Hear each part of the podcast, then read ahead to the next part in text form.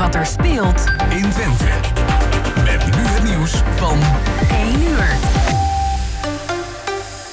Goedemiddag, ik ben Michiel Frazenstorm. Bij de blokkade van de A12 in Den Haag zijn er vandaag ook tientallen tegendemonstranten. Ze reageerden op een oproep op social media. De politie houdt ze gescheiden van de klimaatactivisten... die voor de 23ste dag op rij de A12 zijn opgelopen. Gisteren greep de politie vrij snel in... en werden 600 actievoerders opgepakt. Bij een brand in een nachtclub in de Spaanse stad Murcia... zijn zeker zeven doden gevallen. Vier mensen raakten gewond en gevreesd wordt dat het dodental nog verder oploopt... omdat nog zeker acht mensen worden vermist. De brand brak vanochtend vroeg door nog onbekende oorzaak uit... en sloeg over naar twee andere clubs. Een van de verdachten die vastzitten voor het geweld van gisteren in Koevoorde... is waarschijnlijk degene die op iemand heeft geschoten, zegt de Drentse politie. De schutter raakte zelf ook gewond, hij zou zijn neergestoken. In totaal zitten vier mensen vast, onder wie een minderjarige jongen. En in Utrecht is een explosief afgegaan bij een restaurant. De voordeur is beschadigd en er zijn ook ramen kapot. Er zijn geen gewonden en er is niemand opgepakt. Op meer plekken zijn mensen afgelopen nacht opgeschrikt door ontploffingen... zoals in Amsterdam, Rotterdam en Heerlen. Het weer van Weer Online. Zon en sluierwolken en het blijft overal droog. Van noord naar zuid wordt het 21 tot 24 graden. Ook morgen schijnt de zon flink en is het opnieuw warm. In het zuiden kan het plaatselijk 26 graden worden. En tot zover het ANP-nieuws.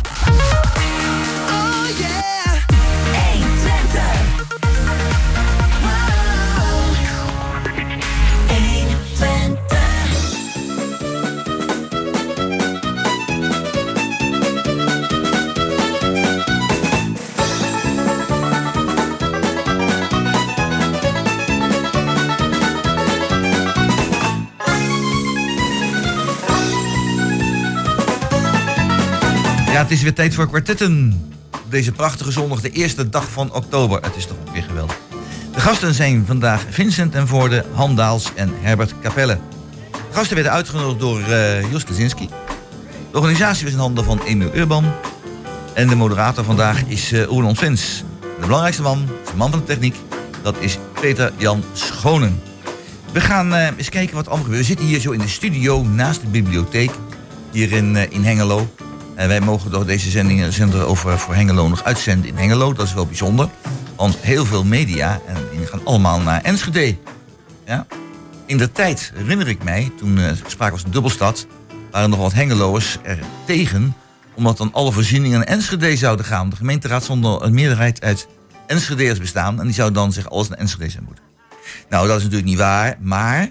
maar de Twentse krant Tubantia, toch wel onze, onze krant... ja, die, uh, die gaat nu, uh, journalisten gaan naar Enschede. Die zaten hier zo in dit gebouw en die, uh, die raken wij dus kwijt. Er stond een mooi nostalgisch verhaal in de krant. Met anekdotes. Is katholieke Twentse Courant. En die ging fuseren met het Nederlands Dagblad. En uh, is een locatie gegaan, geen dingen meer. En nu verhuist alles, de stadsredactie, van de bibliotheek naar Enschede. Geen krant meer in Hengelo. Gelukkig nog wel radio. Ik kijk eventjes naar Herbert. Herbert, ik zie jou even meeleven met jouw gezicht. En uh, hij gaat eventjes met de microfoon doen of zo. Of nee, met de, ja, met de koptelefoon. Oh, en, ja. Nou, vertel, uh, wat vind jij er daarvan, van zoiets? Ja, dat is een vorm van centralisatie die niet te vermijden is natuurlijk. Om kosten te besparen. Zo'n krant heeft natuurlijk steeds minder inkomsten en onnodig huur betalen. Denken ze ja. van, nou die drie, vier redactieleden die wonen gewoon in Hengelo. Dus ze kunnen hier nieuws vergaren en een beetje rondfietsen. Maar het, in het verhaal kwam natuurlijk wel een, een stukje geschiedenis uh, naar voren. Een, ja. Want uh, vroeger had je... Iedere stad had tenminste twee kranten. En we hadden ja. twee kranten die ook met elkaar uh, echt in concurrentie waren. De Twentse Courant had iets de naam, ondanks dat het een katholiek blad was... iets wat de namen wat progressievere kranten zijn. En de Tubantia, het Hengeloos Dagblad, noemden wij de Telegraaf van het Oosten. Um, dat was iets, iets, iets wat meer schreeuwige koppen en, en dat soort dingen. Dus het is wel grappig dat het gewoon langzamerhand... Naar elkaar toegegroeid zijn. Naar elkaar toegegroeid zijn en één, één ding is geworden. Ja, oké. Okay. Uh, Han, uh, Han Daals, hoe kijk jij daar tegenaan?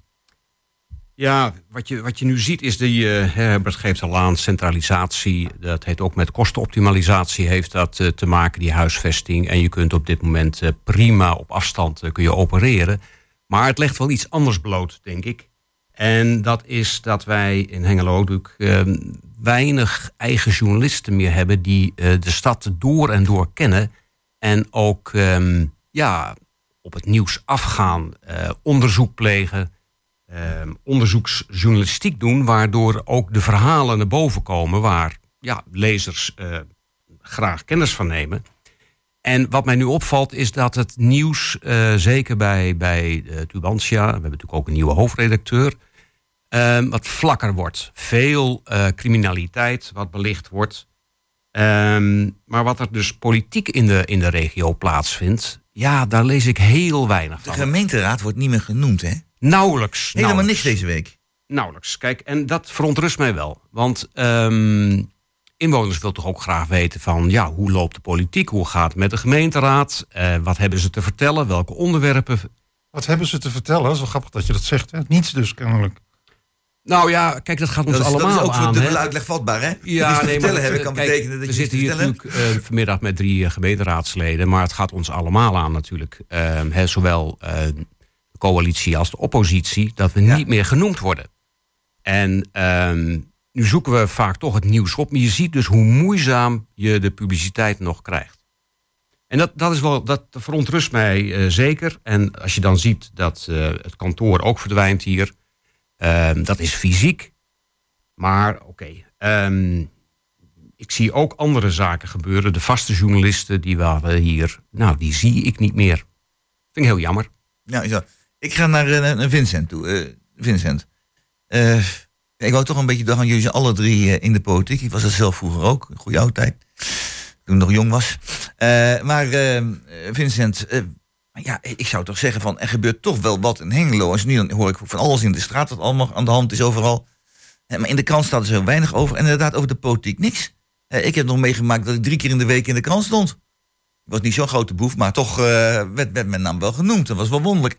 En jullie worden, terwijl je volgens mij heel hard werkt, eh, helemaal niet genoemd. Wat is dat nou, Vincent? Nee, nee, dat klopt inderdaad. Daar heeft Han uh, zeker gelijk in. Er zitten natuurlijk twee aspecten aan. Hè. Aan de ene kant de kostendruk die er bij de kranten is, waardoor ze de redacties moeten samenvoegen, uh, nou, panden moeten opgeven. Um, um, om uh, toch winstgevend te blijven. daarnaast natuurlijk de druk van de sociale media, waar volgens mij de kranten nog niet helemaal een, een antwoord op hebben gegeven. En het tweede aspect is inderdaad dat wat Han ook al aangeeft, dat er weinig tot niet meer wordt bericht over datgene wat er in de lokale politiek gebeurt. Dus dat betekent ja. dat uh, er spelen een heleboel zaken in de stad. Daar hebben we het over in de politieke markten. Daar hebben we het over in de raadsvergaderingen. Maar mensen krijgen het amper mee, omdat er in de, uh, in de media daar ook amper over bericht wordt. Uh, ik moet wel zeggen, 120, ondanks dat ik soms best kritisch ben op 120, die pakt dat de laatste paar maanden echt goed op. Ik vind daar is echt een, een duidelijke verbetering. maar een omgekeerde beweging zie je helaas bij Tubantia.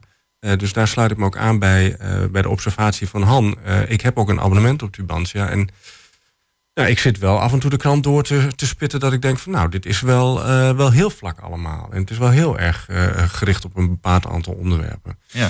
En daar heb je natuurlijk het risico dat heel veel onderwerpen die wij gewoon heel erg intensief behandelen. Deze week hebben we bijvoorbeeld een hele mooie politieke markt gehad over het afvalbeleid. Volgens mij een onderwerp wat heel veel mensen in de stad uh, beweegt. En wat heel veel mensen ook uh, waar ze mening over hebben en waar ze iets van vinden.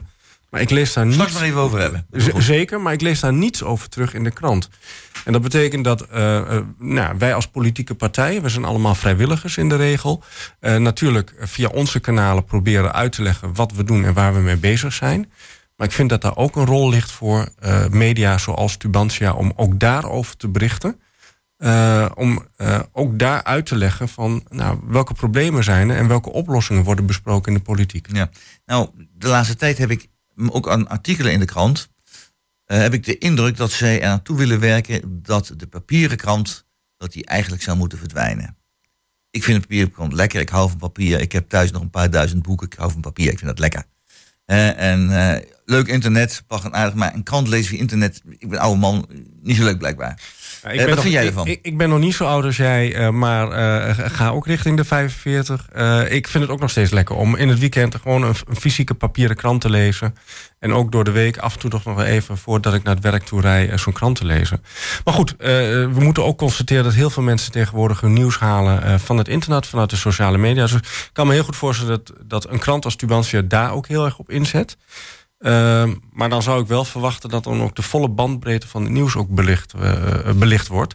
En daar heb ik af en toe wel, ehm, nou, dat, dat- dat is mijn observatie dat inderdaad, zoals Han ook wel zegt, een aantal onderwerpen heel groot uitgepikt worden. En andere zaken, bijvoorbeeld politieke ontwikkelingen, dingen die wij in de gemeenteraad bespreken, eh, toch wat minder interessant voor de krant zijn. Ja. Eh, wat, eh, Herbert, ik geef het naar jou toe. Nou, het kan ook zijn natuurlijk dat wij als gemeenteraad gewoon veel te weinig eh, nieuws maken. Veel te weinig onze standpunten, eh, andere standpunten doen, te weinig sturen, te weinig met eigen dingen komen. Dat kan natuurlijk ook Nou, zijn dat we niet te doen. interessant genoeg zijn Kijk, om je- over te schrijven. Dat Je kunt natuurlijk ook, eh, kunnen, Herbert, zeggen van... eh, jullie doen gewoon gedegen werk. En als je gedegen werk doet, waar 1 en 1 gewoon 2 is... is dat vaak weinig nieuws. Maar als jij leuke opmerkingen maakt... en eh, een beetje sensatie hebt op zo'n vergadering... ja, dan kom je wel in de krant, of niet? Dan moeten er wel journalisten zijn natuurlijk die Maar komen er Ik, maak ook wel een aantal keren mee dat eh, volgens mij er niet echt goed gevolgd wordt. Ja. Ehm, wat vroeger hadden we dan twee kranten en toen stonden er meerdere journalisten en dan was het toch ook wel een soort eh, een wedstrijdje van wie komt met het leukste artikel en wie komt met het nieuwsje.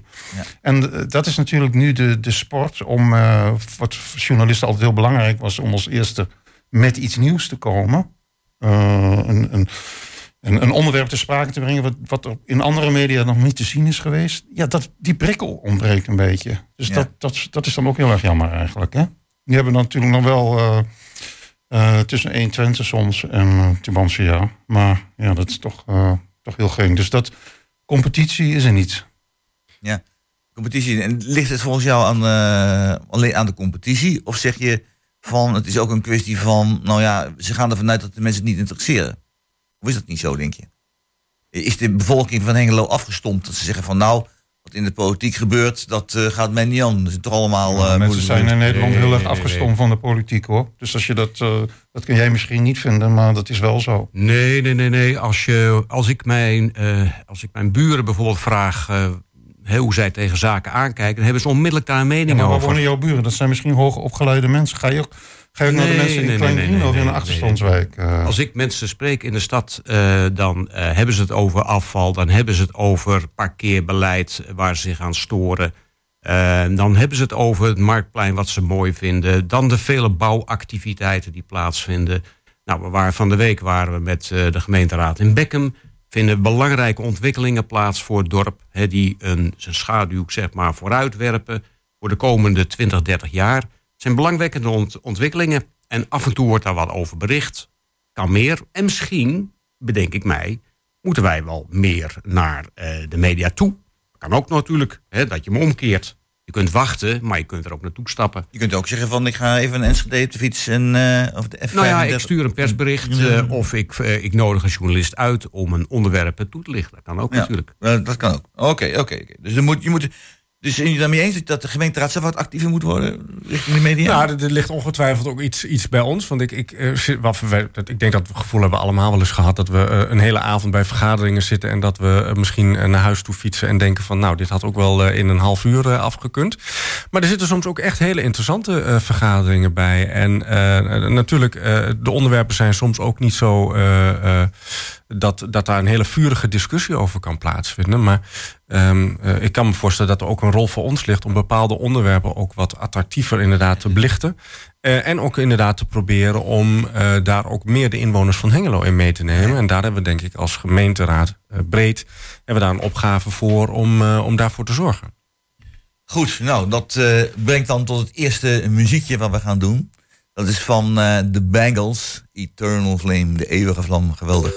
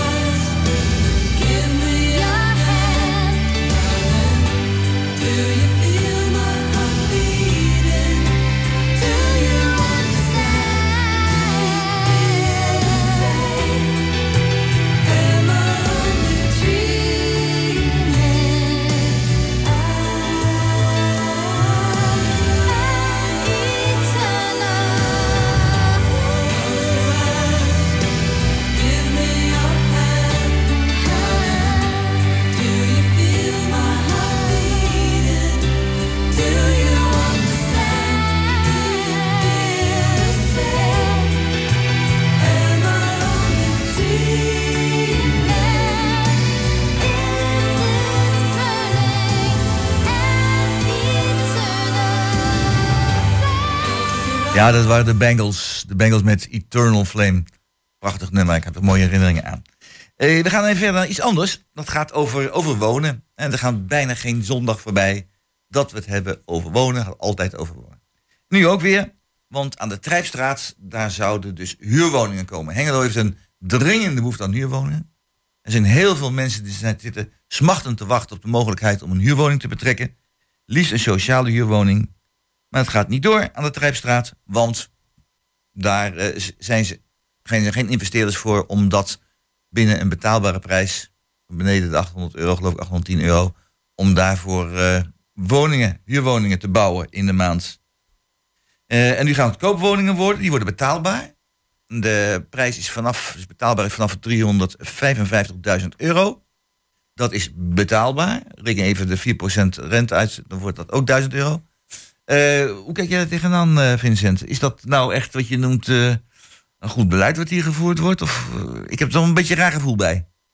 Nou, dit is, ja, ik vind dat we op dit moment hier in Hengelo een goed beleid voeren. En, en de ontwikkeling die jij noemt, die zien we natuurlijk in meerdere steden. Hè, waar toch woningbouwprojecten onder druk staan door de stijgende rente, door de stijgende bouwkosten. En uiteindelijk, en dat is ook wel een beetje een makke, eh, op het moment dat een investeerder een, een, een project eh, plant en bouwt, die wil daar rendement uithalen. En dat betekent dat hij dan heel secuur gaat kijken van eh, wat gaat mij dit kosten en wat gaat mij dit opleveren. En dan betekent het inderdaad dat projecten onder druk staan. Nou, dat hebben we hier in Hengelo hebben dat ook gezien. En dat zien we nu ook. Dus het is de vraag van hoe ga je als gemeente met die veranderende markt op? En zie je daar voor jezelf een rol? Eh, ik denk dat eh, onze wethouder daar eh, een goed beeld bij heeft en daar ook al actie op heeft gezet. Ehm, maar het is inderdaad de vraag, hè, hoe gaan we die, die woningmarkt, of hoe gaan we ervoor zorgen dat er in de toekomst gewoon steeds meer woningen in Hengelo ook bijkomen. en dit soort projecten ook wel doorgang, doorgang vinden. Ja, maar dat is, is het niet de taak van een woningbouwvereniging? Een woningbouw als wel bij ons, eh, dat, die heeft toch een, een duidelijke sociale functie. Hè? Die heeft het ook, altijd gehad. En als er dan geen commerciële investeerders zijn, ligt er dan niet een taak voor toch wel een, een, een, een maatschappelijk betrokken sociale organisatie als wel bij ons, om dan te zeggen van nou, we pakken die eh, handschoen op, want het is gewoon nodig dat mensen een huis hebben.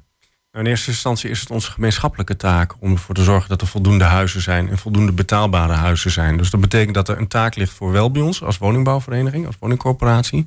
Maar ik vind dat er ook een taak ligt voor ons als gemeente op het moment dat we merken dat ehm, ehm, eh, de, de bouw van nieuwe woningen stagneert. Om te gaan kijken welke rol als gemeente kunnen we daarin spelen om dat weer vlot te trekken. Dus eh, ik wil niet de bal alleen naar wel bij ons toespelen, want ik vind dat zij goede dingen doen hier in de stad. Eh, en echt hun nek uitsteken op, op punten waar het nodig is. Maar het is echt een gezamenlijke opgave. En dat betekent dus ook dat we als politiek en als, als gemeente moeten kijken... waar kunnen wij bijsturen om ervoor te zorgen dat de woningen die we zo hard nodig zijn... eh, of nodig hebben, dat die ook daadwerkelijk Ja. gebouwd worden. Herbert, jij bent een man die houdt van concrete zaken. Jij wil graag spijkers met koppen slaan. Eh, Ja, zeg eens even, hoe gaat dit college het aanpakken om even hier betere sociale woningen neer te zetten? En veel, die zijn hard nodig. Hoe moet het college dat doen? Nou, we zitten natuurlijk in een lastige situatie, want het, het is een maatschappelijke opgave. 343 of eh 30% sociale woningbouw. Nou, als je dat eh, moet doen en er is maar één speler in een stad die kennelijk een soort monopolist is om eh, dat uit te voeren en dat te gaan doen. En als die zegt, ja, wij kunnen dat niet rendabel maken, ja, dan is er iets wat niet goed gaat. Dan moeten wij toch op een andere manier proberen die eh 30% sociale woningbouw te, te realiseren. Hoe? Ja, hoe? Dan eh, moeten we kijken of er andere fondsen zijn eh, waar we dat. eh, dan moeten wij als gemeente garant staan financieel. Welke richting, welke richting moet die fondsen gezocht worden dan? Die moeten, denk ik, landelijk van de Rijksoverheid komen. In ieder geval, wij moeten garant, garant ervoor staan.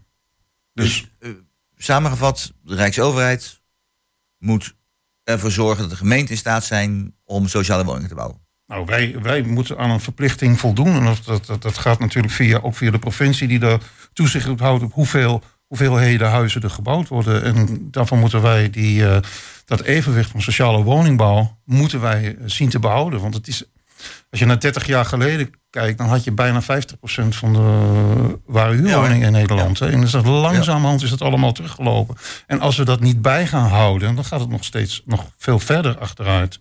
Ja. En dus we hebben die maatschappelijke opgave. Ja, en Ik, heb, ik heb nog steeds geen, concreet antwoord. Hoe moet je het aanpakken? Dan wordt gezegd dat het Rijk moet het doen, de provincie moet het doen. Han, maak het eens concreet. Hoe ja, gaat nou, ik ga een poging Spreekt de burgemeester eens toe en zegt tegen hem van... joh, je moet dat en dat gaan doen om het woningprobleem Nou, allereerst ook de, de Trijpstraat zelf. Hè. Dat ziet er behoorlijk verloederd uit. Er is ook nodig criminaliteit op dit moment. En dat moeten we zo snel mogelijk vanaf. Daar zijn huurappartementen eh, gepland. Eh, Vincent gaf het al aan de, de argumenten. Hè, waarom het op dit moment niet kan. Vanwege de renteontwikkelingen, bouwkosten... maar ook de aftopping van de maximale huur. En dat betekent dat rendementen onvoldoende zijn. Dus partijen gaan niet investeren college wil toch doorzetten. En dat is te waarderen dat we eh, daar vaart in houden. En dan toch een alternatief bekeken wordt. En een alternatief op dit moment zijn koop aan de Trijpstraat. Dat er toch wat gebeurt daar. Dat die buurt opgeknapt wordt. En dat er aan de, de woningvoorraad ehm, woningen toegevoegd eh, worden. Weliswaar koop, maar ook daarin zijn we bezig als gemeenteraad om daar ondersteuning eh, te bieden. En ehm, Zoals, daar, want 355.000 euro klopt, tegen meer dan 4% rente... klopt. is, Nou, is eh, 1400, 1500 euro een beetje de, maand? Ehm, ik kijk even Vincent aan met ondersteuning. Vroeger had je premie A-woningen. Ja, en- de gemeente gaat natuurlijk vanaf 1 januari de starterslening Juist. ook weer invoeren. Dus Ja. dat betekent dat starters op de woningmarkt eh, gewoon geld kunnen lenen bij de gemeente. Om net even dat laatste stukje te kunnen overbruggen. Waardoor zo'n woning van 355.000 euro, wat gewoon enorm veel geld is voor een starterswoning, om dat toch voor elkaar te krijgen. Dus dat is al, vind ik al een hele goede stap van het college. Dus daar zie je dat op een gegeven moment koopwoningen met die starterslening... dat het eh, betaalbaar gaat worden. Dat is dus één stap. En die flexwoningen waar we het net over hadden... en de rol van Welbions... Kijk, Welbions heeft ook een verantwoordelijkheid over 30, 40 jaar. Dus zij monitoren die woningmarkt permanent met de behoeften. Ja. En zij gaan dus niet onbeperkt bijbouwen. Want ja, uiteindelijk, als ze daar een overschot hebben... als ze kijken Dan naar bouw je de- voor de leegstand. voor de leegstand. Dus wat doen ze nu? Als tussenoplossing flexwoningen. Nou, die zijn 10, ik vind dat 15 heel- jaar. Ik vind dat heel kwalijk. Nou, Want het maar- betekent maar- dus maar- dat, nee, misschien want even het Herbert. betekent eigenlijk dat, dat de, de sociale woningbouwopgave ingevuld wordt door flexwoningen. Met andere woorden, onze standaard gaat achteruit. Maar dat Nou, dat is dus niet wat- waar. Dat is niet wat Han, eh, Han probeert wat- te zeggen. Wat, wat, wat, even- Han, even, even verklaren Ja. en dan ga ik weer even naar Vincent. Wat we zien bij die flexwoningen, dat is van uitstekende kwaliteit. We hebben een aantal van die flexwoningen hebben inmiddels in Hengelo staan. Deze flexwoningen, ehm, daarvan is de bedoeling dat ze 10, 15 jaar ehm, aan, aan, duur hebben. Dat ze maximaal daarvoor staan. En dan kan men besluiten van wat doen we. Eh, die zijn heel snel te ontmantelen. En de kwaliteit van die woningen, dat wordt op dit moment bewezen, is prima om dat te doen. En het voegt direct eh, woningen toe aan, ook sociale huurwoningen toe aan de woningvoorraad die we zo hard nodig hebben. Dus dat onderscheid wil ik wel maken. Dus wat je ziet, bij die trijpstraten om terug te komen. Hè, dat er vaart wordt gemaakt, dat doorgezet wordt. Anders valt de zaak stil en dan hebben we de komende Oké. vijf tot tien jaar niks. Oké, goed. Ik ga winnen, Vincent. Eh, ja, ik heb toch een beetje een i- i- idee van, ja, met die starterslening, zoals je noemt, van dat, dat helpt dan. Oké, dat is tegen een, een laag percentage. Eh, maar dat zal toch ook niet minder zijn dan 2%. En als je dan een, een woning hebt vanaf 355.000. En dat is eh, met al die honderden mensen die eh, zitten te verlangen in Hengelo naar een, naar een woning. Is, dat, is het gewoon niet meer te betalen, niet meer te doen. En dan moeten de mensen thuis gaan wonen. En dan zie je dat mensen tot 30 jaar van het langer eh, bij hun ouders nog thuis gaan wonen. Dat er gewoon geen huizen zijn. Ik vind het een trieste bedoeling eigenlijk. Ondanks starterslening, het helpt misschien wel een beetje, maar het niet een concrete oplossing. Of ben ik nou een oude nee. d- nee, dat wil ik niet zeggen. Maar eh, eh, Ik ik, ik hoor je een situatie beschrijven die inderdaad zo is. En ik hoor jou niet aangeven wat daar al aan gedaan wordt. Hè. Starterslening Ja. is daarin één, één instrument waarin we het mogelijk maken voor, voor, zijn jong- meer voor, dus. starters en voor jongeren om, om, een, om een woning te kopen. De gemeenteraad heeft dit jaar een opkoopbescherming ook ingevoerd voor een aantal wijken hier in Hengelo. Waardoor het voor investeerders niet mogelijk is om die huizen op te kopen. Eh, en tegen hoge prijzen te verhuren. Dus die zelfbewoningsplicht die zit daar al in. Dat is een tweede instrument. Daarnaast zijn we natuurlijk ook als, als gemeente en het college ook in het bijzonder natuurlijk ook continu met, met Welbions ook in gesprek om ervoor te zorgen dat die woningvoorraad aangevuld moet worden. Maar laten we niet vergeten dat Welbions op dit moment een behoorlijke opgave heeft. Want naast het bouwen van nieuwe woningen ligt er ook een enorme opgave voor het verduurzamen van bestaande woningen. Eh, en heel terecht wat Hans zegt.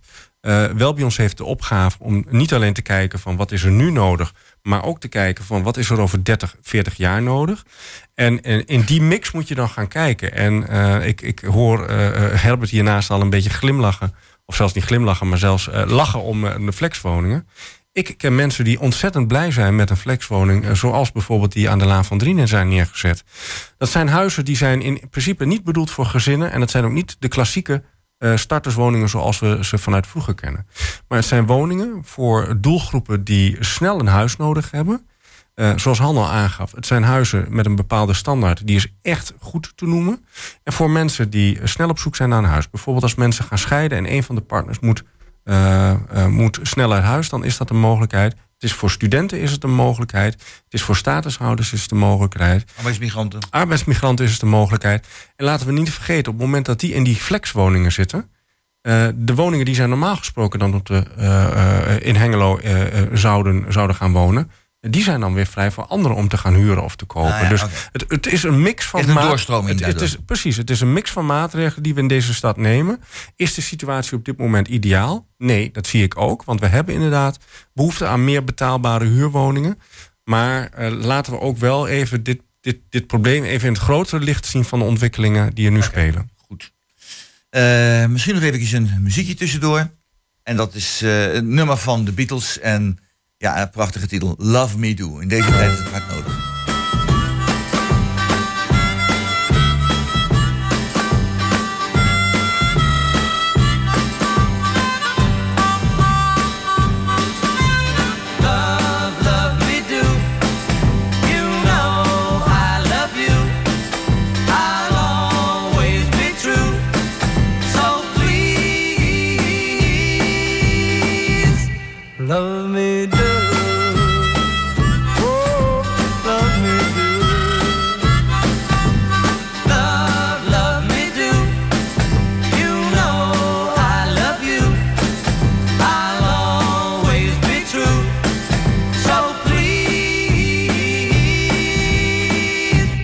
Love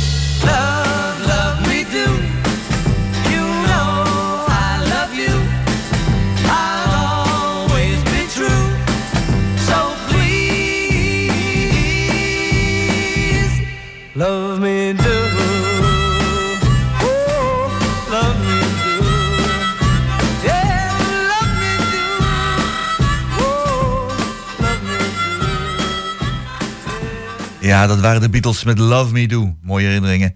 1962 is rond die tijd, een beetje geloof ik, 63. Ja, die tijd moet het geweest zijn, ergens in die richting. Goed, we gaan even verder kijken wat over woningbouw. En eh, nu stond een heel mooi artikel in de krant over Jaap Bakema.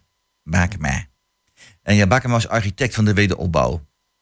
Eh, en eh, ik heb daar een mooi verhaal over gehoord van Hans de Gruil. Een man die in, in Hengelo heel veel kennis heeft over de wederopbouw. Eh, nou, en daar werd ook bij verteld van dat Klein Driene en de Hengeloze S. Zo rond 1962 moet dat geweest zijn. Eh, dat, eh, die tijd van het Beatle-nummers even. is dat allemaal gebouwd. En ze kwamen zelfs uit Japan, hoorde ik wel eens gehoord. kwamen ze in een bus kijken van hoe mooi die Hengeloze S was. Met die prachtige flats die er allemaal stonden. Het bureau telde in dat tijd meer dan 200 medewerkers. En dat was, voor mij dat in Rotterdam, Herbert? Broek en Bakema, ja. Nou ja, ik, eh, ik denk dat ze in de toekomst nog wel vaker komen. Want ik ben een, om mijn geboortehuis te bezoeken natuurlijk. Hè. Zo. Dus eh, de bussen Japanners en zo. Want, Ja, ja, ja, ja. ik ben eh, een, eh, geboren in een Broek en Bakema pand in Kleindriene. In Klein Driene. Ja, inderdaad ook is hij daar, daar, daar gebouwd. En hij wilde een samenleving bouwen waarbij de mensen niet meer zo scherp tegenover elkaar staan. Nou, wat is dat toch prachtig in deze tijd? Die polarisatie die we tegenwoordig hebben. Eh, en iedereen zou een eigen plek moeten hebben. Maar geen verzuiling, die moest weg. Er moest licht, lucht en ruimte komen. Prachtige uitspraak allemaal. En geen pittoreske gevels meer, maar stroken van woningen. Nou, Allemaal, alle mensen zijn gelijk. Laten we, hoe mooi die mensen gelijk zijn, allemaal laten zien aan hun woningen. Nou ja. Eh, Herbert, wat vind je daarvan? Nou, toen werd er natuurlijk heel veel geld gepompt in de wederopbouw van Nederland na de Tweede Wereldoorlog. En eh, toen ontstond die typische wederopbouwarchitectuur. Nu is dat weer actueel en wordt het weer bewonderd. Maar ik kan me herinneren dat mijn moeder het helemaal niet zo geweldig vond. Nee. Dus het was toch ook vooral dat het in de tijd paste. Maar om even terug te komen over die eh, tijdelijke woningen waar we het net over hadden. Want ik, De flexwoningen zo. ja, ja, ja, want die, die woningen die bijvoorbeeld eh, gebouwd zijn in Veldwijk, eh, die kleine witte huisjes, Ja? ja, dat waren eigenlijk ook bedoeld als tijdelijke woningen. hè. En ik, Staan er ik nog. kwam er gisteren langs. Ik, Gebouwde woningen. en ze worden gewoon nu geïsoleerd. Hè. Eh, nieuwe daken erop, isolatie erop. Dus het wordt nog steeds eh, bijgespijkerd. Dus dat kan wel. Kan wel. Maar de Hengeloze S hebben ze voor een groot deel afgebroken. Ik weet, ik weet eigenlijk niet of dat van Broek en Bakema is. Eh, behalve de gro- Nou, werd, werd ook, er stond in het artikel wel bij hoor. Dat ze Ja, dat, dat Hengeloze S. En als ze daar ook. En, en ik heb van Hengelo- Hengeloze S hoorde ik inderdaad ook van dat ze met een bus uit Japan wel eens kwamen. Nou, tenminste met die bus met Japanners. Een hele bus uit Japan. Maar, Ik weet dat er, dat er meerdere dat soort wijken, onder andere ook in Leeuwarden, precies hetzelfde als de Hengeloos is. En die is ook helemaal afgebroken. Dus ergens is er toch iets niet, eh, niet ja, helemaal... niet helemaal, helemaal goed gegaan. Nee. Nee, nee, nee, nee. nee. Eh, ja, Bakema. Eh Han, wat, wat vind jij van de wederopbouw? Ja, het is ook een hele bijzondere architectuur. En eh toen de tijd had men snel woningen nodig eh, met licht en ruimte, zoals we- men dat eh, toen eh, voorzag. Grote vierkante ramen, hè? Eh, ja, ja, ja, ja. Ehm, daarna hebben we ook de doorzonwoningen gekregen. Hè, dat je van, achter, eh, van voor naar achter doorheen kon kijken. Ja. Ehm, en het eh, voorzag in de behoeften. Want vergeet niet, mensen kwamen dus van, van eh, situaties waar ze in moesten wonen. Vaak bij ouders, grote gezinnen. de leefomstandigheden die ver van ideaal waren. En toen kwamen er woningen beschikbaar. Hè, die een eigen ruimte boden en eigen comfort boden. Dus dat was een geweldige stap voorwaarts eh, toen de tijd. Kijk, ehm, de woningen waren natuurlijk van een kwaliteit eh, die niet zo geweldig was. Daarom zijn er ook veel afgebroken daarna. Ehm, voorzieningen die waren op een gegeven moment eh, uit de tijd. Eh, dat moest allemaal beter. Er is ook enorm gere- gerenoveerd. Bijvoorbeeld ook de Welbions, die een grote hoeveelheid van dit soort woningen in zijn bezit heeft.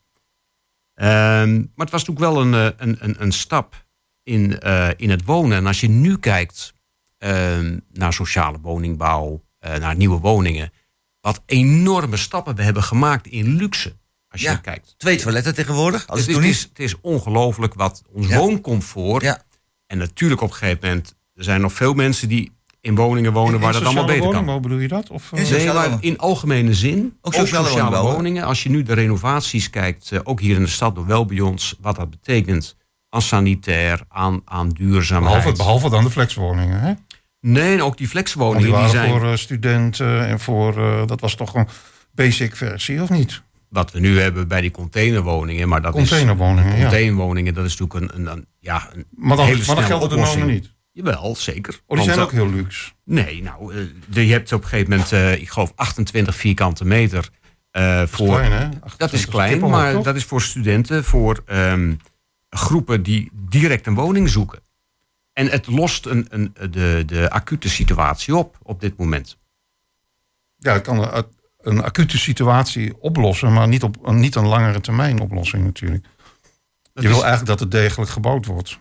Klopt, maar het is en en. Hè. Je probeert de korte termijn een oplossing te vinden en ook voor de langere termijn. En eh, missen wat ik signaleer, is dat die, eh, de woonkwaliteit eh, stijgt in Ik vind Nederland. persoonlijk flexwoningen en dergelijke containerwoningen meer tot zijn recht komen in grote steden, waar eh, Amsterdam, Rotterdam, waar het gewoon heel erg moeilijk is om maatschappelijke belangrijke beroepen uit te oefenen, omdat mensen dat daar helemaal niet meer kunnen betalen. Ja. Maar Oké. Ik ga even naar, eh Nee, naar ik, Vincent. sla, ik sla een beetje Jij aan- zit, jij zit hem, dat, gesprek te volgen Ik zit zo? het gesprek te volgen, maar ik sla een beetje aan op de opmerking van, van Herbert. eh, hè, dat, dat flexwoningen alleen nodig zijn in de grote stad. Ik, ik, volgens mij, eh, we hebben 80.000 inwoners. Volgens mij eh, is dat eh, gewoon een stad. En de behoefte is er.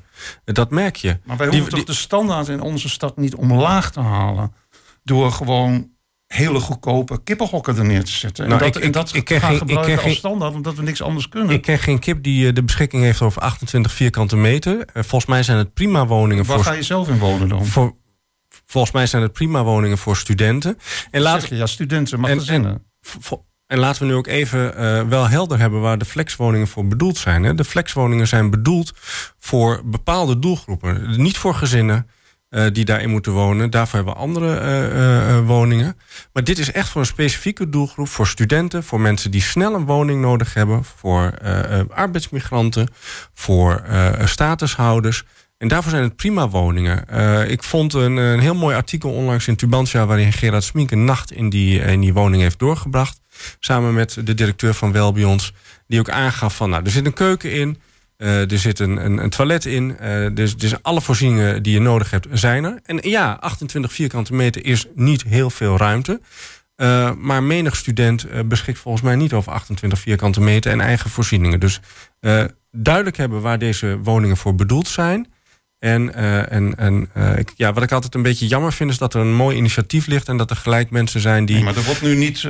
kijk, dit, dit ging al, deze discussie ontstond allemaal omdat die sociale woningopgave niet uitgevoerd wordt, omdat gezegd wordt het is niet rendabel. Dus nu mijn punt is, ik zeg niet dat die flexwoningen er niet moeten komen, maar dat die niet in de plaats moeten komen voor degelijke sociale woningbouw voor gezinnen. Maar zij komen ook niet in de plaats van. Het is een Maar die aanvulling worden niet op. gebouwd. Het is een Dat zien we aanvulling. toch dat die, dat die nu niet gebouwd het is een wordt aanvulling op. En volgens mij niet wordt het- Oh, door elkaar. Ja, ik, ik, ik, ik vind het een beetje jammer dat we... We hadden volgens mij een hele goede discussie... maar dat Herbert eh, nu toch eh, eh, eh, wat, wat doorslaat in zijn bijdrage. Ho, ho, ho. Dat vind ik niet... wij- daar wij- ben ik even klaar mee. Nee, zit de hele tijd te praten alsof je een even soort respect voor ambtenaar elkaar. bent. mensen. Even respect voor elkaar. Wij, wij, wij, er wordt in Hengelo nog steeds genoeg gebouwd. Hè. Naast het ROC worden ook sociale huurwoningen gebouwd. Eh, eh, dus we moeten, we moeten niets doen alsof er niets gebeurt in Hengelo. En dat is wel een beetje de indruk die hier nu gewekt Dus ik wordt. hoor, Waar eh, worden die gebouwd even, ik, ik, even samen- die samenvattend. Ja, eh, wat, even samenvattend.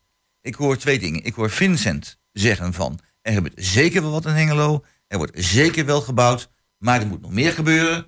En ik hoor Herbert van... nee, wat nu gebeurt is beslist onvoldoende. Is goed ik interpreteer. Moet echt wat gebeuren. Ik wil het goed samengevat zo. Ik denk het wel, ja. Nou, ik, ik ben vooral dus, eh, teleurgesteld Dus we, we- dat die sociale woningbouw... Ja. ehm, dat die dus niet doorgaat op bijvoorbeeld op zo'n plek. En dat er statuswoningen gebouwd worden... die eigenlijk geen statuswoningen zijn... omdat ze daar te kostbaar voor zijn. Oké. Dus, en, en nou hoop ik hier te maken met één één grote mooi praterij, weet je wel. Van ik ga, twee ik, heren. ik ga naar Han toe, een want, want Han die heeft wel eens een Ja. keer... die heeft het aanhoord. Die houdt niet van ruzie. Die Eh, die... eh, nou, ik, van discussie is altijd goed met elkaar Heel goed. Nou, mooi dan. Eh, maar over sociale woningbouw. Kijk, we hebben natuurlijk daarvoor wel bij ons eh, in de stad. En eh, wel bij ons heeft natuurlijk ook een eigen verantwoordelijkheid, ook naar de toekomst toe. We kunnen niet als politiek zeggen, doe er maar even een paar honderd bij en eh, wel bij ons eh red doe de met. Dat kan niet. Dus die hebben een eigen verantwoordelijkheid. We maken prestatieafspraken ook. Hè. Eh, tweejaarlijks met Welbions. En dan geven we ook als eh, gemeenteraad aan eh, wat wij verwachten van Welbions. Nou, hè, dat is ook binnenkort komt dat weer. Wat zij gaan doen. En dan hebben we daar discussie over in de gemeenteraad wat er kan, gebeuren. Ehm, sociale woningbouw is noodzakelijk, helemaal eens. Hè, want er zijn talloze mensen die kunnen dat gewoon niet betalen. En we willen graag ook dat, ehm, dat iedereen zeg maar, eh, in deze samenleving een, ook een, een, menswaardig bestaan heeft. Ook financieel gezien. Nou, dat is een permanent eh, werken daaraan en dat is niet zomaar opgelost. Ehm, ik denk dat we in Hengelo daarin zeker eh, bezig zijn. Het kan altijd sneller, kan altijd beter. Helemaal eens. Maar de stappen die we zetten eh, zijn tenminste stappen. Want we hebben jaren gehad dat er helemaal niks gebeurde. Nou, ik weet niet, volgens mij hebben we toen nu alleen nog wat eh, containerwoningen aan het bouwen. En ik moet nog maar zien dat dit gaat gebeuren. De, het V&D-pand gebeurt niks. er zijn een heleboel dingen in de stad waar helemaal niks gebeurt. Ik wil nog er wordt helemaal niet zoveel gebeurd. De Marskant is zijn eh, onlangs eh, een aantal eh, wordt het, eh, appartementen door Welbions eh, opgeleverd. Welbions heeft eh, appartementen eh, tegenover de nul opgeleverd. Eh, zo Hoeveel zijn, zijn er dat? Dat, dat, dan heb je het over een paar, hè? dat zijn tientallen appartementen op dit moment die opgeleverd worden. En zo is Welbions nadrukkelijk bezig in de stad, ook met ehm, de verduurzaming van, van panden. Ehm, dus daar wordt terdege gekoers. Kijk eens hoeveel bouwactiviteiten op dit moment in de stad plaatsvinden. Dat is niet alleen koop, maar dat is ook huur. In, in de binnenstad? Ook in de Ook binnenstad. ja. Mensen, ik denk dat we hier niet helemaal uitkomen, helaas. Maar dat is het mooie van de politiek. Mensen met verschillende visies op de samenleving. En ze stimuleren elkaar om het beleid nog beter te krijgen dan dat is. Ze kunnen het ongeveer zien. Ik wil het onderwerp nu even afsluiten. Eh, nog één muziekje doen. Ja? Er kan nog één muziekje gedaan worden. En dat is eh, het muziekje van eh Cresip, In the, in, eh, in the Water. I'm in the water, going under. I wanna lose myself again. I'm falling backwards. Will you catch me? I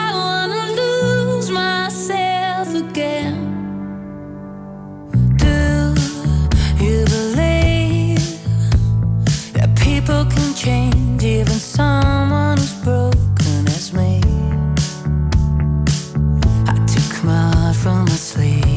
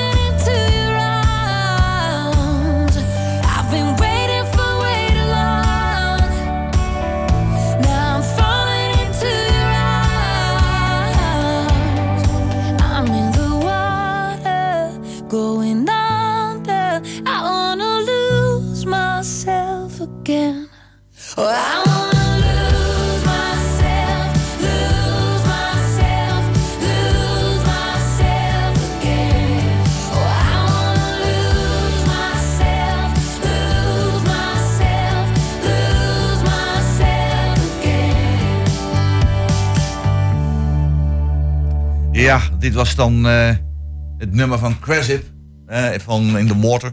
Eh, ja, zo even hadden wij een pittige discussie. Maar de heren hier zo, die hebben wel respect voor elkaar. We gaan niet over tot nare dingen als mishandeling en zo. Want daar zijn we toch echt netjes voor. Dat doen we niet. Maar dat schijnt toch wel iets te zijn in Hengelo. Want het was toch wel een, hele, een heel ja, een, een belangrijk punt. bijna verontrustend. Het is in de mode geraakt om een, een vechtpartijtje te organiseren. En dat te gaan filmen. En dat dan op internet te gaan zetten. En eh, nu heb ik een filmpje gezien. Ik weet niet, dat is waarschijnlijk niet deze, eh, deze, af, deze mishandeling, deze afranseling. Maar dat was zo dat twee meiden met elkaar, eh slag een grote en een, en een kleintje. En die kleine werd compleet in elkaar gemapt. En er stonden een aantal kinderen omheen, die stonden dat te filmen en die stonden het uitgebreid toe te juichen. En die, die kleine die werd echt grondig in elkaar geslagen. Dat kan niet anders, of er moest een ziekenwagen bij komen. Zo ernstig was dat. Dus eh, ik weet niet hoe erg het is in Hengelo, maar ook daar is het goed misgegaan. Ik, ik heb daar een nagevoel van. Als oud-leraar vind ik het geen goede gedachte. Eh, moet je zo'n leerling ook zeggen van dat mag je nooit meer doen? Blijf maar een uurtje na of zo. Eh, Vincent, wat, wat moet je doen met, zo, met, met, met zulke kinderen die dat soort dingen doen? Ja, je moet zeker met, eh, met de leerlingen in gesprek. Maar ik denk dat je ook zeker met de ouders in gesprek moet gaan. dat gaat niet gebeuren. Burgemeester met ouders in gesprek. En dan? Nee, ik heb het niet over de burgemeester. Ik heb het Oh. over de, de leraren. Want Oh, leraar. bij mijn weten is dit op school, eh, op school gebeurd. Dus volgens mij is dan in eerste instantie op de school eh, eh, aan zet om het gesprek te gaan voeren.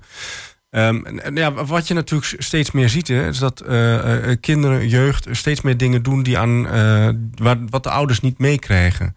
Eh, ik maak daar ook maar even de koppeling met een ander artikel deze week in de krant, waarin op scholen tegenwoordig eh, TikTok-accounts ehm, eh, eh, in de lucht zijn waar roddels verspreid worden. Eh, al Ja. dan niet waar of... of eh, Ja, hè? Ligt in dezelfde lijn trouwens hoor. Ligt in dezelfde lijn en dat zorgt er natuurlijk... dat is eh, geestelijke mishandeling. Precies, en dat zorgt er natuurlijk wel voor dat er al heel veel spanning op zo'n school eh, eh, zit. En waar de ouders misschien helemaal niets van meekrijgen, maar misschien ook zelfs het lerarenkorps helemaal niets van meekrijgt. Dus volgens mij eh, inderdaad goede gesprekken voeren met de ouders, maar ook met de leerlingen. Ga daar ook bezig met duidelijk maken van wat voor een effect heeft dit ook voor de lange termijn voor deze leerlingen. Ehm, ja, en, en, en een uurtje nablijven. Nou, volgens mij wordt dat tegenwoordig niet meer gedaan op school. Volgens mij zijn er andere maatregelen voor.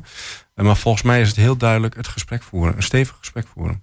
Ja, oké. Dan, dan wordt het steeds gespoord en dan eh, zeggen ze, kan mij schelen, we doen het gewoon weer. Want het gebeurt niet één keer. Het is, het is niet één, één voorval. Het heeft juist zoveel aandacht gekregen nu. Omdat het een soort, eh, ja, een soort mode onderwerp is geworden. Het is leuk om te doen, blijkbaar. Ja, ja en dat, daar speelt ook de rol van de social media. eh, eh, is, Ja. eh, die moeten dan ook eens kritisch naar zichzelf kijken. Want dit soort filmpjes worden natuurlijk razendsnel verspreid via WhatsApp, via TikTok en andere kanalen. Tegenwoordig zie je de meest vreselijke dingen ook voorbij komen op de social media. Dus leerlingen, jongeren, die krijgen het ook niet anders mee. Hè? Kijk, wij hadden vroeger natuurlijk, wij hadden dit niet. Eh, en natuurlijk had je ook wel eens een ruzie eh, eh, met iemand, maar dan, dan maakte je het op een gegeven moment goed en was het klaar. Dat is natuurlijk een hele andere cultuur, een hele andere, ander klimaat ook waar die jongeren in zitten. die nu leven, hè? Door, de, door het gebruik van de social media en door ook het volgen van de social media. Dus ook daar ligt volgens mij een rol. Ja. Herbert, iemand het, het ziekenhuis inslaan en dat filmen. En jongens, wat hebben we weer een lol. Ja, nou ja, het, het wordt natuurlijk door sociale media aangejaagd. Maar in feite is het natuurlijk gewoon bullying. En bullying is proberen een plek in een sociale rangorde op te zoeken. En oorspronkelijk word je dan gecorrigeerd door een, een ouder, een leraar, een oudere broer, Ja. een, een buurjongen of wie dan ook die jou tot de orde roept. En dat gebeurt niet meer. Dus dat moeten we eigenlijk doen. We moeten keiharde maatregelen tegen dit soort dingen nemen. Hoe, Dus, hoe, eh, hoe keihard? nou, zo iemand van school sturen die, eh, die dit gedaan, stuur ze allemaal van school. Je moet, eh, je moet het duidelijk zeggen van hier is een grens. En als je die grens overgaat, dan krijg je te maken met eh, correctie. En dat is de enige manier waarop je dit ooit kunt tegengaan. Als je dit, zeg maar ja, we, hebben, we gaan een gesprekje hebben met de ouders, een uurtje erover eh, praten. En, en wat dan? Maar dan sturen we de, de, de leerlingen van school. Hè? Hebben ze de opleiding hebben ze niet meer. Het sociale omveld hebben ze niet meer. Ja. Wat, wat kunnen dan de mogelijke gevolgen zijn? Dat je in de toekomst meer veiligheid hebt voor nieuwere eh, Maar het, generaties. Het, het is toch een illusie om te denken dat op het moment dat iemand die dit gedrag vertoont, van school afgehaald wordt of van school afgezet wordt, dat hij dat gedrag dan niet ook nog in de, in, in de rest van de maatschappij toont. Het is toch een illusie om te denken dat alleen het, het mensen van Maar school... juist als je dat toestaat, ontstaat het, ja, blijft dat doorgaan. Ja, maar je hoort mij niet, je hoort Ik- mij niet zeggen dat het, dat het toegestaan moet worden. Je- moet natuurlijk corrigeren, maar ik vind eh, iemand van school afsturen... Maar Volgens nou, mij maar maak nou je maak je van de dader een slachtoffer. Terwijl die gewoon naar een, ik- naar een andere school kan ik- gaan in ik- een andere stad. Ja, en dan gaat hij daar hetzelfde gedrag weer vertonen. Nee, want dan wordt hij er weer afgestuurd. Oké, Ja, ik ga nu even naar de volgende school. Ja, ik ga er geen, geen pingpong van maken. Ja. Eh, ja. Eh, Ehm, hoe kijk jij daar tegenaan? mishandeling. Ik, eh, ja, als ik dit eh, dan weer lees en ook van de week, hè, ehm, Vincent eh, gaf het al aan, ook de juice-kanalen, roddelkanalen die er zijn, dus gewoon ordinair pesten is dat dan. Hè. Ehm, nou is mishandeling, vechtpartijen natuurlijk ook van alle tijden. Hè. Er wordt dat, gevochten werd op, op, op schoolpleinen en elders. Maar nu, en, en daar ben ik wel met Herbert eens, zie je dat, het, ehm, dat daar op een gegeven moment ehm, ehm, in, die, in die socials, eh, dat je in de, inderdaad eh, stijgt in de, in de rangorde. Hè, dat je daar op een gegeven moment, eh, nou, dat staat stoer. En kijk eens wat ik heb gerealiseerd. En dat is, vind ik wel verontrustend. Een zwakker Dus- iemand in elkaar slaan en dan dat laten filmen en laten zien hoe flink je bent. Kijk, precies, precies. Ik zit zelf in het onderwijs en ik geef les eh, aan eh, studenten tussen de 16 en 19. En ik vind het heel moeilijk om daar grip op te krijgen. Ik zie het niet, hè, wat zij op hun telefoon allemaal doen. Dat is, dat, dat is, daar is niet achter te komen. Ehm, en ouders, ja. Kinderen zijn de hele dag zitten ze op hun telefoon. Wat ze allemaal aan het doen zijn, is bijna niet te volgen. Dus ja, dan wordt er gezegd: oké, ga met je kinderen in gesprek. Hè, laat ze vertellen op een gegeven moment als zoiets gebeurt. En trek aan de bel, ga dan met de school aan de slag. Ehm, en dan moet je maatregelen treffen, dat klopt. Eh daar ben ik het ook wel met Herbert Wat zijn die eens. maatregelen volgens jou dan? Nou ja, Als je alleen praat van je mag het niet meer doen, joh. We stout geweest, Nee, nee, nee, nee, nee. Maar dat betekent eh, ja, eh, het, dat ze op een gegeven moment eh corvée-diensten moeten draaien. ehm, eh, dat ze op een gegeven moment ehm, nou, na moeten blijven. en andere zaken moeten doen. Er zijn allerlei maatregelen. Dat verschilt per schoolsoort. Als ik bij mezelf kijk. Ik zit eh, dan in het mbo-onderwijs. Dat is best lastig. En dan kun je iemand eh, schorsen, bijvoorbeeld. En, nou, en dan? Want ja, je kunt hem niet alleen schorsen, maar je moet er wel wat mee doen. Want anders dan eh, dat gedrag op een gegeven moment, dat ben je niet zomaar kwijt. En, en dat, is best een, dat is best een lastig fenomeen. Hè, want ook eh, daders gaan in, in verweer. Die zeggen van, hoezo? En dan krijg je een hele discussie van... eh, eh, dat het wel meevalt. Eh, we zien het ook in de rechtspraak. hè, dat op dit moment daders, die halen advocaten erbij. En wordt allemaal ontkend. Is gewoon allemaal niet zo. En bewijs maar eens het tegendeel. En we zitten ook in die, in, in die, in die bewijscultuur. Ja, maar als je, als je, als je zo'n filmpje nou ziet. Ik heb nou dus, ik heb, moet zeggen, ik heb maar één filmpje gezien. Maar die, dat loogt er niet om. Eh, ik heb een filmpje gezien. Nou, het is heel simpel. Heel, als ik daarmee naar de politie zou gaan met zo'n filmpje. En ik zou zeggen van, kijk, hier wordt iemand ernstig mishandeld. Eh, dus eh, wat gaan jullie ermee doen? Dan lijkt mij dat de politie er wat mee doen. Dus ze krijgen niet zo zware over- boete als wij door een rood stoplicht rijden. Dat wordt zwaarder bestraft. Maar het, je zou toch wel met, met, die, met die daders toch wat moeten doen als politie. Ja, zeker. Kijk, ehm, als je aangifte doet, dan moet de politie daar wat mee doen. Wat we wel natuurlijk veel zien, is dat de menskracht ook voor dit soort zaken dan ontbreekt. En dat erg lang duurt voordat er eh, überhaupt wat gebeurt. Hè. Even afhankelijk van de, van de aard van de, van de mishandeling die er is. En of er slachtoffers zijn. Dat is altijd wel lastig, vind ik. Ehm, je moet er wat aan doen. Ehm, en ja, ik, ik vind het wel ingewikkeld eh, van hoe effectief kun je dat doen. Hard straffen, maar je moet ook zien, het, de oorzaak zien weg te nemen. Dat is, dat even, even, even een vraagje. Even aan, eh, aan, aan Han eh, eh, een vraagje. Als ik goed geluisterd heb naar Herbert. Dus Herbert van, dan moet je gewoon, als het echt ernstig is, gewoon van school sturen. Ehm, ik, en jij maakt zo'n opmerking niet. Ik hoor, ik hoor je dat niet zeggen, althans. En, maar is het zo, Han, vind jij, ik wil je geen woorden in de mond te leggen, maar vind jij dat op het moment dat je een leerling van school stuurt, hem ook maatschappelijk kansen ontneemt, waardoor hij zichzelf niet kan ontwikkelen en waardoor hij misschien helemaal naar de fout gaat? Of is dat, eh, zie ik dat scheef? als een, eh, als een, eh, wordt het, een, een jongere van school afgestuurd wordt en hij is nog geen 18, Nou, komt hij bij de leerplichtambtenaar, moet de leerplichten mee aan de slag. En dan moet dus de samenleving en alsnog de gemeente mee aan de slag. Is hij 18 plus, dan kom je bij een RMC terecht, heet dat dan. Moeten we ook weer daarmee aan de slag. Dus je bent hem niet kwijt. En dus als samenleving blijven we dus die verantwoordelijkheid houden. Ook al stuur je hem weg. Ja. Dus ja, dan zit je met het dilemma. ehm, Vincent. Ik, ik mis in dit hele verhaal. Ik, ik, ik ben het helemaal eens met, met Han hoor. Dat, we, eh, dat de scholen daar een opgave in hebben. eh, en, en de maatschappij. Maar ik mis in dit hele verhaal ook wel een stukje verantwoordelijkheid van de ouders. Eh, laten we ook niet vergeten dat. En ik denk dat Han daar ook een beetje op probeert te duiden. op het moment dat hij zegt. Ja, de oorzaken, daar moeten we ook mee bezig. Eh, er zijn natuurlijk ook heel veel gezinnen. eh, waar ouders gewoon helemaal geen beeld meer hebben. eh, waar hun kinderen mee bezig zijn. Dat is niet alleen op de telefoon, maar dat is ook op school en ook waar ze privé mee bezig zijn. Dus volgens mij ligt daar ook nog een hele rol die opgepakt kan worden. Op het moment dat geconstateerd wordt dat nou, kinderen dit zoiets doen, dat er ook met de ouders gesproken wordt en gekeken wordt. Door de ligt- school. Door de school, maar ook door maatschappelijke organisaties. Van, ligt hier misschien wat onder, waardoor, eh, waardoor dit kind eh, dit gedrag vertoont? Hè? Eh, ik krijg er misschien thuis niet de aandacht. Eh, zijn de ouders die misschien de handen van het kind hebben afgetrokken? Volgens mij moet je daar ook eh, mee bezig. Want ik vind ook dat je eh, de ouders eh, niet uit hun verantwoordelijkheid mag, mag nemen. Ja? Nee, dat, dat klopt. Ja, wat? Dat klopt. En wat betreft straffen, ik denk dat je dat ook in gradaties moet zien. Als het echt excessief geweld is, dan is denk ik. eh, of iets wat, wat echt strafbaar is, dan heb je het wel echt wel over eh, van school sturen. Maar als, als het bij eh, omstanders zijn, toekijkers zijn, ja, dan is misschien een andere straf eh, beter tot zijn recht. En wat, dat- wat Vincent zegt over. over. ehm, nou ja, mijn stem is een beetje. Sorry, ik pas even. Pas even, oké, Ja. even. Ja, ik zit even een beetje tegen naar de klok te kijken. En we hebben nog anderhalve minuut. Dus ik, vrees dat ik nu helaas de uitzending moet beëindigen. En ik had graag nog even doorgegaan. Is eh, weer uitermate boeiend. Misschien een beetje somber uitzending dit keer. Maar de zon schijnt gelukkig buiten. En eh, dus dat is ook wel heel, fra- heel fraai.